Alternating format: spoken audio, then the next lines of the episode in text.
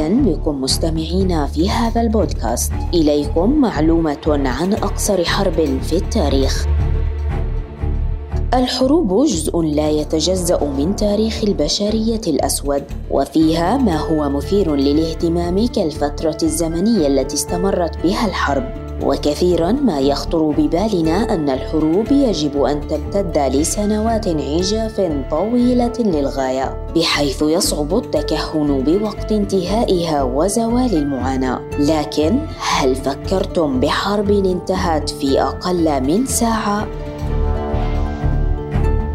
إنها الحرب الإنجليزية الزنجبارية التي دامت 38 دقيقة لتكون بذلك أقصر حرب مسجلة في التاريخ. شكرا لحسن استماعكم دمتم بخير وإلى لقاء آخر مع معلومه جديدة